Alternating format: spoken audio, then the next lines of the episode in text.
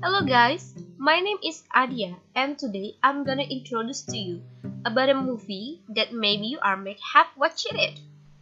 The movie title is The Social Dilemma. I will give a little bit illustration about this movie. This film airs on September 9, 2012, which means that this film was released yesterday.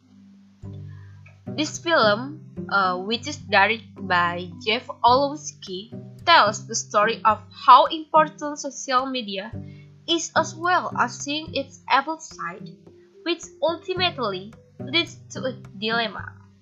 Wow! The social dilemma shows how social media does terrible things to it, its users.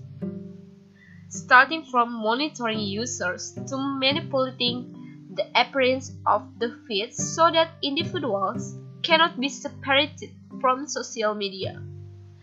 That's scary.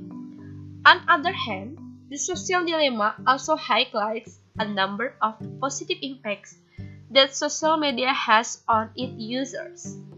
Thanks to the presence of social media, information is very easy to obtain and individuals can connect with anyone.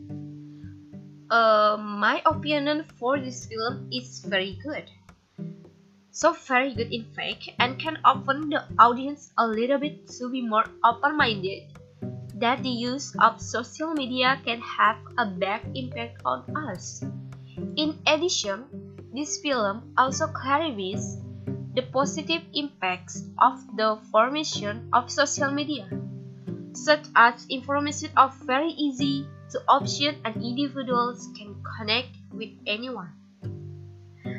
Thirdly, my opinion about social media for business purpose is very very effective. For example, product advertisement that are always only on TV and browser in the middle of the road we can see on social media such as Instagram, YouTube, Facebook, and others.